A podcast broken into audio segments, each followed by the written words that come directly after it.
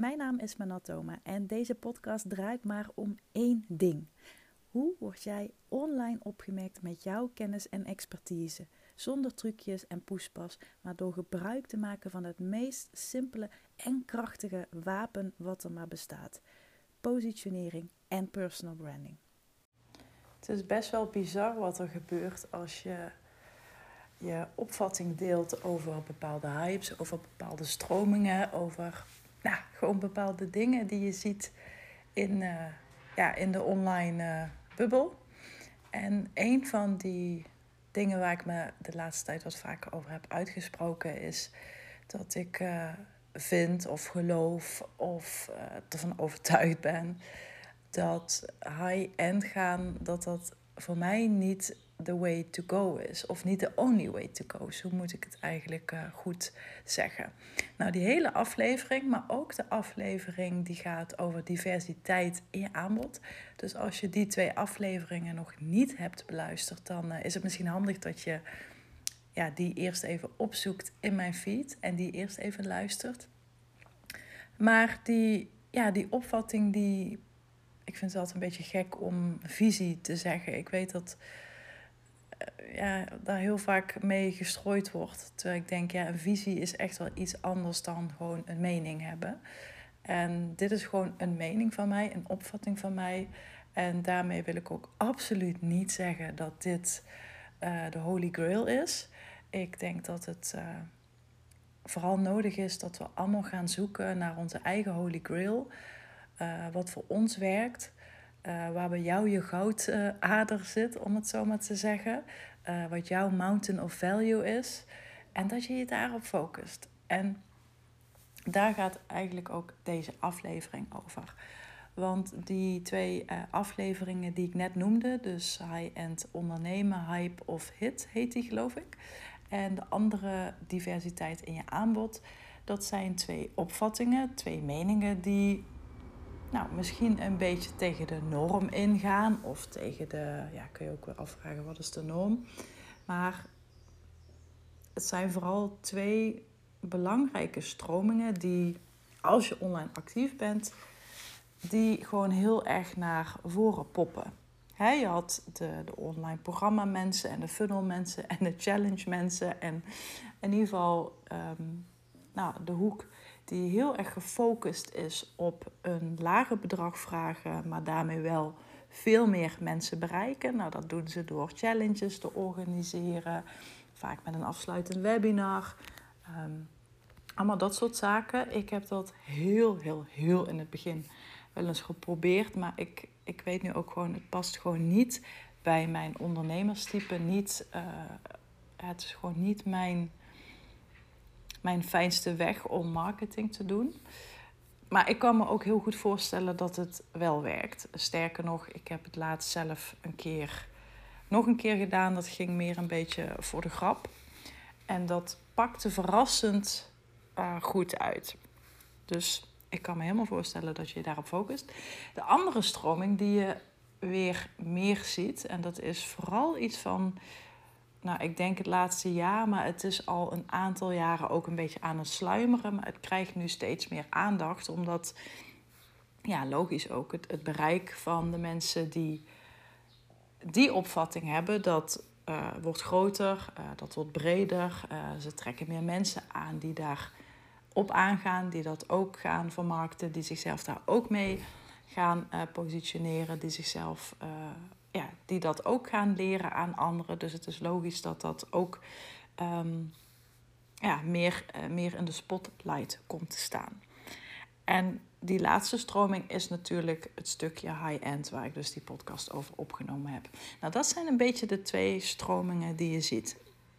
En ik vind het gewoon altijd heel erg interessant om nou, gewoon een beetje te kijken wat er gebeurt. Ik heb er ook nooit een geheim van gemaakt dat ik heel graag in meerdere keukens snoep. Uh, of kijk, moet ik zeggen. Snoepen natuurlijk ook, maar vooral meerdere keukens meekijken en leren van ja, mensen die een bepaalde methodiek hanteren of die een bepaalde strategie uh, hebben ontwikkeld. om daar vervolgens mijn eigen recept van te kneden. Dat is heel erg waar ik in geloof. Dat is waarom ik ook heel erg vind dat je als ondernemer een beetje tegendraads moet zijn, een beetje tegengas moet durven te geven. En ja, autonomie is voor mij gewoon heel erg belangrijk. Ik ben ja, niet zozeer wars, al zal ik het vaak wel zo benoemen. Ik ben vaak een beetje wars op wat mensen zeggen dat je moet doen. Uh, alsof dat dan de enige weg is. Of, of alsof dat dan de slimste weg is. En ik geloof er dus juist heel erg in dat je door in verschillende keukens uh, mee te kijken, dat je zo je eigen ervaringen opdoet. Dat je ook kunt aftasten en testen en voelen en proeven. Ja, of iets voor je werkt, of het bij je past, of het smaakt, of het, ja, in ieder geval of het aansluiting vindt bij jou, maar natuurlijk ook bij de klanten die je wilt bereiken. Dus dit zijn een beetje de twee stromingen die ik zie. En je ziet daar ook wel een beetje kruisbestuiving. Want mensen die bijvoorbeeld, nou, tien jaar geleden, toen ik een beetje het online wereldje inrolde, acht, negen, tien jaar geleden, die uh, waren toen helemaal gefocust op, uh, op online cursussen. En je ziet dat die nu ook de overstap hebben gemaakt naar een high-end verdienmodel. Dus dat ze met een handvol klanten een heel goed inkomen genereren. En daarmee dus eigenlijk een veel simpeler verdienmodel hanteren. En um, ja, dat, dat is dus een beetje wat ik zie. Uh, en ik kreeg op basis van deze podcast dus ook echt heel veel vragen, heel veel reacties. Ook Hè, mensen die het, uh, die het deelden of die er zelf iets over gingen schrijven. En dat vind ik helemaal oké. Ik vind het alleen maar mooi als mensen deze opvatting overnemen, omdat ik, nou nogmaals, ik geloof heel erg in autonomie en je eigen keuzes maken en niet zomaar blind en klakkeloos uh, achter een goeroe of. Uh, hoe ik het vaker zeg, als de, als de volgende business boekito of marketing aan te lopen. Maar echt je eigen keuzes maken. Nou, er zijn echt verschillende vragen op, uh, op binnengekomen. Ik heb daar echt een lijstje van bijgehouden, want het is allemaal weer hele mooie input voor, uh, ja, voor nieuwe afleveringen. En uh, een van die vragen die ging ook, of dat was niet echt een vraag meer, hoe ik er tegenaan keek van een business coach. En die Um, ja, die was daar ook best wel uitgesproken over, maar die voelde ook een bepaalde druk om met de prijs mee te gaan. Dus de prijs die uh, anderen hanteren in, uh, ja, op Instagram vooral, maar gewoon in de markt. Maar op Instagram komt het gewoon het meest tot, tot uiting. En daar heb ik natuurlijk wel een een mening over. En ten eerste, ik snap het helemaal. Want hoe meer je over bepaalde dingen leest en hoe meer je eraan wordt blootgesteld, hoe meer het ook ten koste gaat van dus je autonomie, van je eigen creatieve denkvermogen haast. Want je wordt daar onbewust gewoon een beetje mee ja, geïnspireerd, maar ook, het kan ook zijn dat je ermee wordt vergiftigd. Hè? Dus dat het je echt begint te besmetten en dat je denkt, oh, ik moet hier iets mee. En dat het helemaal niet komt vanuit, uh, vanuit jezelf of vanuit de vraag in de markt of vanuit je uh, skills of je ervaring of wat dan ook, maar dat je het gewoon puur wilt of denkt te willen omdat anderen het daar continu over hebben. Dus als je dan specifiek naar uh, prijsstrategie kijkt en merkt dat je daar gevoelig voor bent, dan kan dat dus ook twee kanten op. Hè. De, ene kant is echt de race to the bottom. En dat is dat je denkt, ik ga het gewoon steeds goedkoper doen. Want dan ben ik mijn conculega's te slim af. En uh, die persoon was ik zelf. Een, uh, nou, toen ik dus net begon.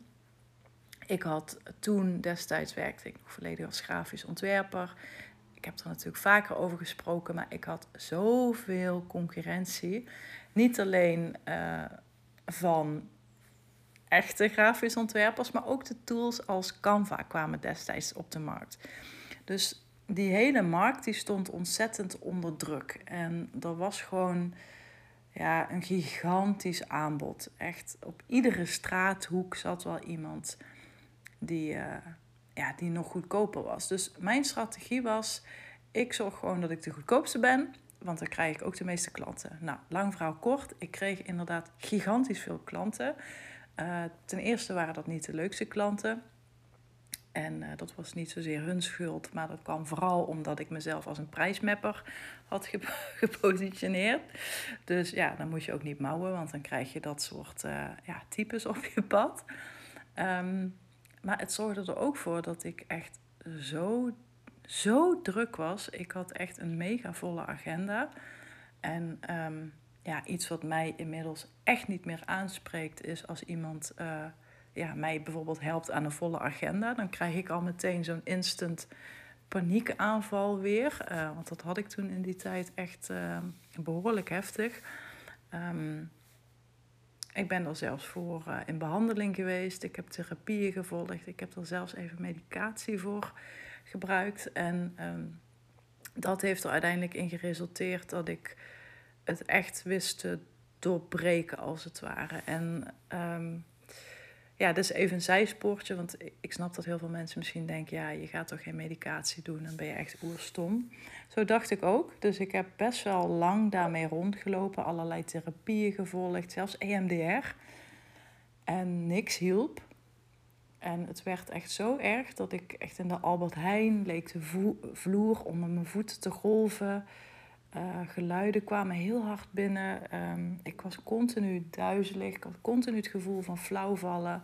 Maar ook van ja, gewoon misselijkheid. Dus dat ik naar het toilet moest en geen kant op kon. En het, uh, het begon me echt best ernstig te belemmeren.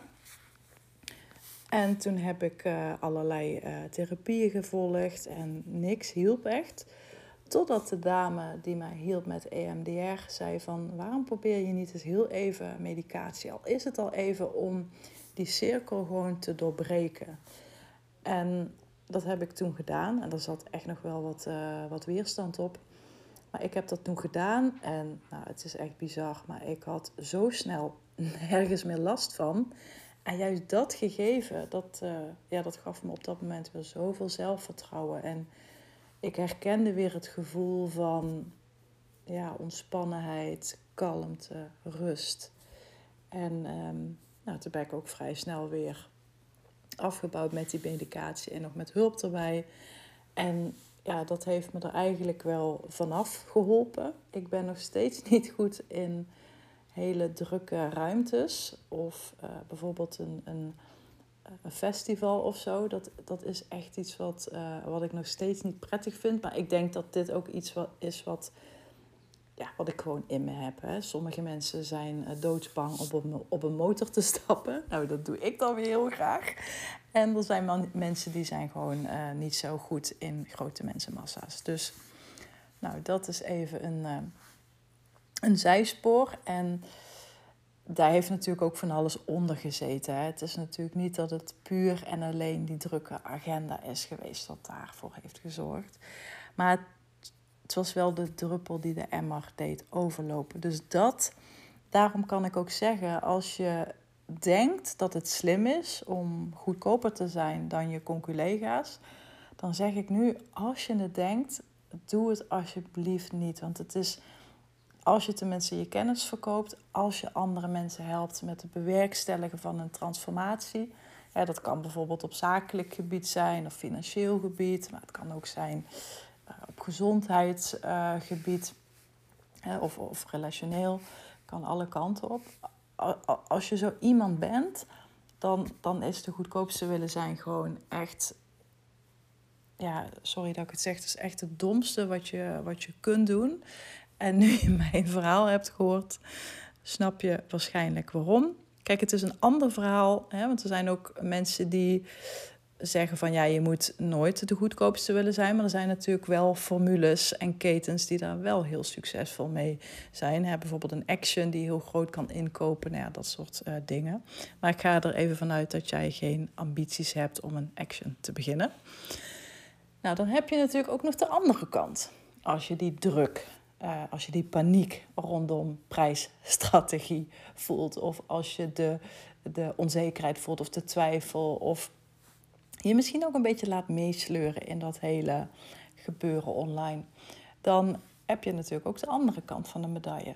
En dat is nu dus wat steeds meer speelt. Waarom ik ook die podcast heb opgenomen over dat stukje high-end. Want ik geloof met heel mijn ziel en zaligheid in het vragen van hoge prijzen. En een, een, een, een prijs, of dat hoog is of laag, dat, dat is gewoon niet vast te leggen. Want de enige die dat kan bepalen is de persoon die het afneemt. Bijvoorbeeld, um, ik, ik ben niet zo heel erg zo'n modetypetje. Ik heb er gewoon, ik vind kleding wel leuk. Maar het is niet dat ik uh, 98 paar uh, hakken in mijn kast heb staan. Maar er zijn mensen die zijn daar dol op. Die vinden dat fantastisch. En die vinden het meer dan waard om iedere week een nieuw paar schoenen te kopen. Helemaal prima. Ik heb daar gewoon iets minder mee. Ik ga veel liever één of twee keer in de week uit eten. Dat is gewoon wat voor mij heel veel waarde heeft.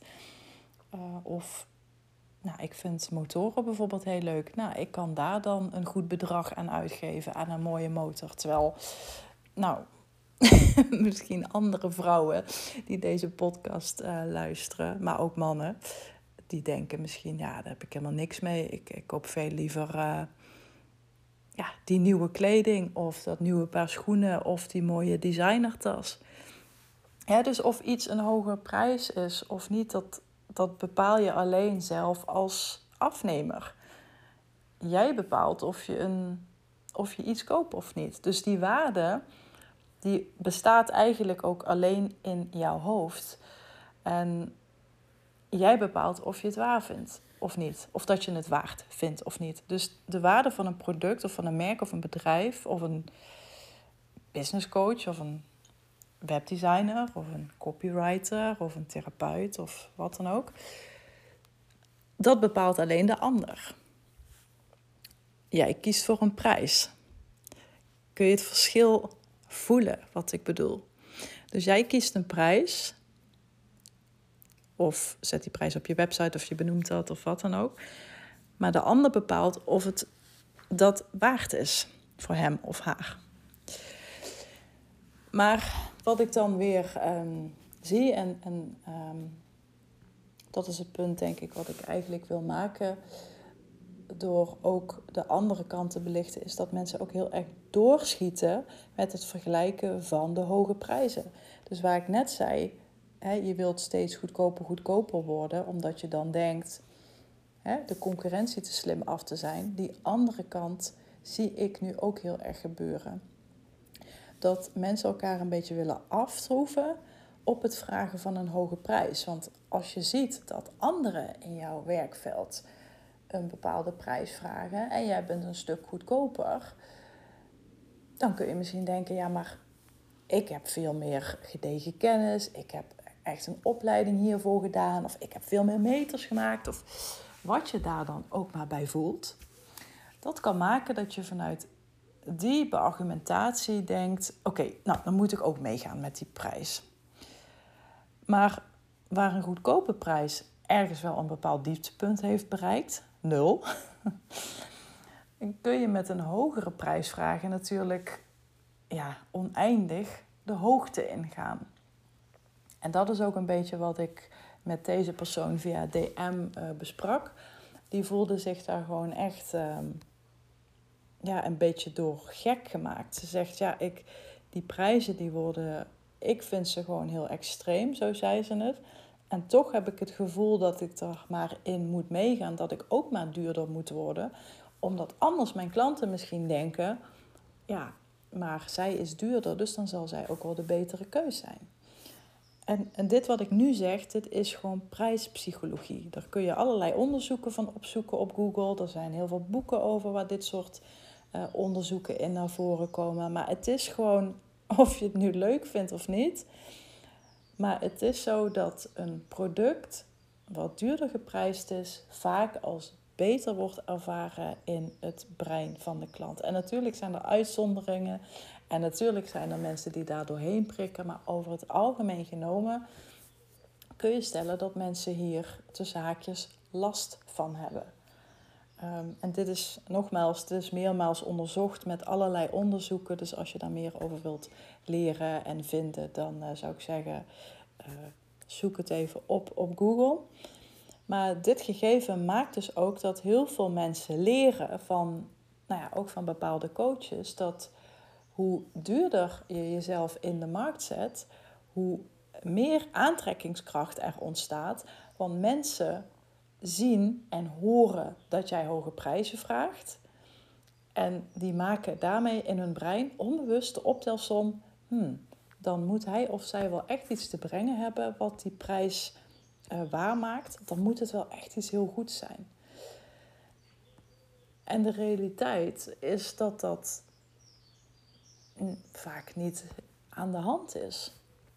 Het is echt niet zo dat ze hele uitzonderlijke baanbrekende kennis hebben. Ze zijn gewoon wel natuurlijk heel slim met die hoge prijzen vragen. Want er zijn gewoon mensen die het ook eraan uitgeven. En nogmaals, omdat zij in hun hoofd bepalen dat het de prijs waard is. En dan kunnen wij als buitenstaanders van alles van vinden. Maar dit is gewoon marktwerking. En dit is gewoon hoe het, hoe het werkt. Ik heb het hier al eerder over gehad, maar we zijn natuurlijk met ons huis bezig. Dat staat in de verkoop. Is in principe uh, nu getekend. En als de uh, financiële uh, dingen allemaal rond is, dan komt het goed. Maar als je kijkt naar die huizenmarkt, ja, er ontstaat zoveel krapte. Er is zoveel vraag en het aanbod is zo laag of zo beperkt dat er gewoon heel veel prijsdruk ontstaat. En die prijsdruk die wil maar één kant op en dat is natuurlijk omhoog. En nou, dan zie je ook soms dat mensen bedragen uitgeven aan huizen waarvan je denkt: holy smokes, ik zou het er niet aan uitgeven. Maar mensen voelen de druk. Ze denken: ja, straks heb ik niks. En die laten zich een beetje gek maken, of niet een beetje, maar heel erg, door de markt. Ze moeten wel. En ze denken, ja, als ik het nu niet doe, dan heb ik straks niks. En dit is ook natuurlijk waar dat principe op gebaseerd is. Hè? Het is maar net wat de gek ervoor geeft. En dat gaat ook op met het gegeven, moet ik meegaan in het verhogen van mijn prijzen. Want ik zie dat al die anderen ook dat soort bedragen vragen. En daarmee wil ik het ook afsluiten dat waar je linksaf gaat en de goedkoopste wil zijn, dan bereik je op een gegeven moment gewoon de bodem. Maar als je de duurste wil zijn of meedoen in dat speelveld, ja, waar houdt het dan op? En ik, ja, het, is, het klinkt misschien echt super uh, jeukerig, maar ik denk dat het heel belangrijk is om je op jezelf te focussen, om dicht bij, je blijf, dicht bij jezelf te blijven het is ook een, uh, een, een uitspraak die ik wel vaker maak. Uh, not my circus, not my monkeys. Dus zet die digitale oogkleppen op. Scherm je echt af voor al dat geweld online. En wees gewoon heel selectief in, uh, in de tijd aan wie je hem schenkt en aan wat je hem schenkt. En, en wees daar gewoon heel kritisch op, want je wordt onbewust heel erg beïnvloed door ja, dit soort hypes. Want ik, ik vind het in alle eerlijkheid, en ik weet dat ik nu misschien toch een beetje een, een oordeel plaats. Ehm, want ja, ik ben dus absoluut voorstander van hoge prijzen vragen. Maar ook ik heb, een, ja, heb daarin op een gegeven moment wel een beetje mijn ja, mijn bedenkingen. En ik doe gewoon wat voor mij werkt, waar ik me goed bij voel. Ik heb ook een, een aanpak. Uh, hè, ik verhoog steeds na een aantal klanten, verhoog ik mijn prijs. En ja, ik heb ook met coaches gewerkt die zeggen: je kunt makkelijk 25.000 euro vragen als je zou willen. En misschien is het zo, hè? Want in alle eerlijkheid, ik heb het ook nog nooit gedaan. En misschien als ik het zou doen, zou het werken. Uh, zeker als je de juiste uh, klanten aanspreekt natuurlijk. Maar het is gewoon iets waar ik me niet comfortabel bij voel. En ja, dan kun je ook weer daarover door discussiëren dat het met je mindset te maken heeft, met je money mindset. Dat je dat zelfvertrouwen moet krijgen. Dat je in jezelf moet geloven. Dat je in je klant moet geloven. En ja, het, allemaal leuk en aardig. Maar nogmaals, ik blijf gewoon bij mezelf. En voor mij is dat gewoon ehm, ja, niet de weg die bij mij past. En dat wil ik je vooral ook heel erg meegeven. Laat je dus niet gek maken door de gektes. Of dat nu de goedkoopste gekte eh, is of juist de duurste gekte. Focus gewoon op jezelf. Kijk naar wat er voor jou toe doet, waar jij lekker bij voelt. En ik denk dat dat het allerbelangrijkste is. Maar ik wil ook echt even deze disclaimer maken. Doe jezelf ook absoluut niet tekort door jezelf als een of andere prijsmapper in de markt te zetten. Je hebt mijn verhaal nu gehoord. Misschien dat je sceptisch bent, misschien dat je denkt, ja, ik vind dat gewoon wel slim. Bepaal die keuze voor jezelf. Hè. Doe lekker waar jij je goed bij voelt, maar ik vind dat gewoon echt niet slim. Je bent echt wel een goede prijs waard. En natuurlijk zullen er dan mensen zijn die zeggen: Ja, ik vind dit veel te veel geld. Ja, nou, dat is prima. Dan hebben zij die waarde kennelijk niet voldoende ervaren of gezien die jij te bieden hebt. En dan is het aan jou de taak om daar aan bij te schaven.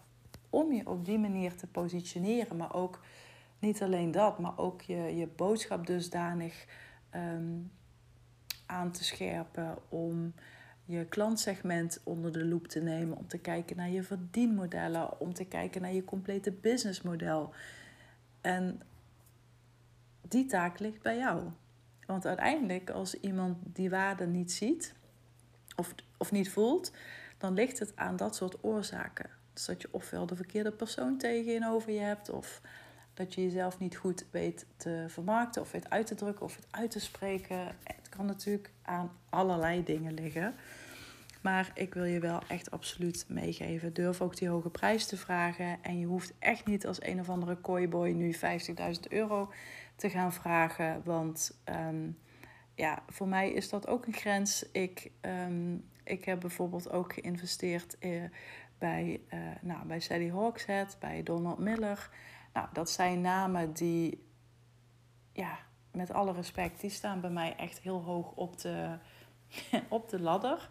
Um, nou, dan dat wat ik in Nederland zie, um, ja, hoe zeg ik dat netjes? Ik wil niemand beledigen. Um, maar ja, ja, ik ga toch gewoon eerlijk zeggen, ik vind het, het niet waard. Ik zou het er niet aan uit kunnen geven. Uh, want zelfs een, een Sally en een Donald en nog een aantal andere mentoren waar ik ben geweest, die, ja, die vragen nog geen 40.000 euro. Dus ja, ik, ik, ik vind dat het echt een beetje een, um, ja, een circus aan het uh, worden is. Dat het echt in bepaalde dingen misschien een beetje doorschiet. Maar nogmaals, het is ook maar net wat de gekte vergeeft. En als iemand anders daar wel de waarde in ziet, dan vind ik dat ook fantastisch. En dan is dat helemaal je eigen keuze. En dan is dat ook helemaal goed. Dus nogmaals, maak je eigen keuzes. Snuffel in meerdere keukens. Laat je niet meesleuren in prijsgektes. Of dat nu high-end is of low-end. Blijf bij jezelf. Maak je eigen keuzes. En uh, doe waar jij gewoon lekker op gaat. Nou, einde van deze podcast. Ik uh, ben zoals altijd heel benieuwd naar je reactie. Stuur me gerust even een uh, DM op Instagram. En je kunt me natuurlijk ook een mailtje sturen als je dat zou willen. Vergeet je ook zeker niet te abonneren op mijn podcastkanaal, mocht je dat nog niet hebben gedaan. En even een rating te geven, een 5 sterren rating. Daar doe je mij echt een enorm plezier mee. En mocht je nu met mij in gesprek willen over jouw positionering, over je boodschap en je aanbod. En om te kijken welke, ja, welke uh, groeikansen daar voor jou nog liggen. Zodat je ook hogere prijzen kunt gaan vragen, wat die prijs dan ook maar is. Hoe je de waarde veel beter kunt gaan uitdrukken en uitspreken van datgene wat je doet, zodat je ook die ideale klant gaat aantrekken. Dan uh, stuur me ook even een berichtje en dan kunnen we even uiteraard vrijblijvend in gesprek gaan. Ik uh, wens je een mooie dag en uh, tot de volgende aflevering.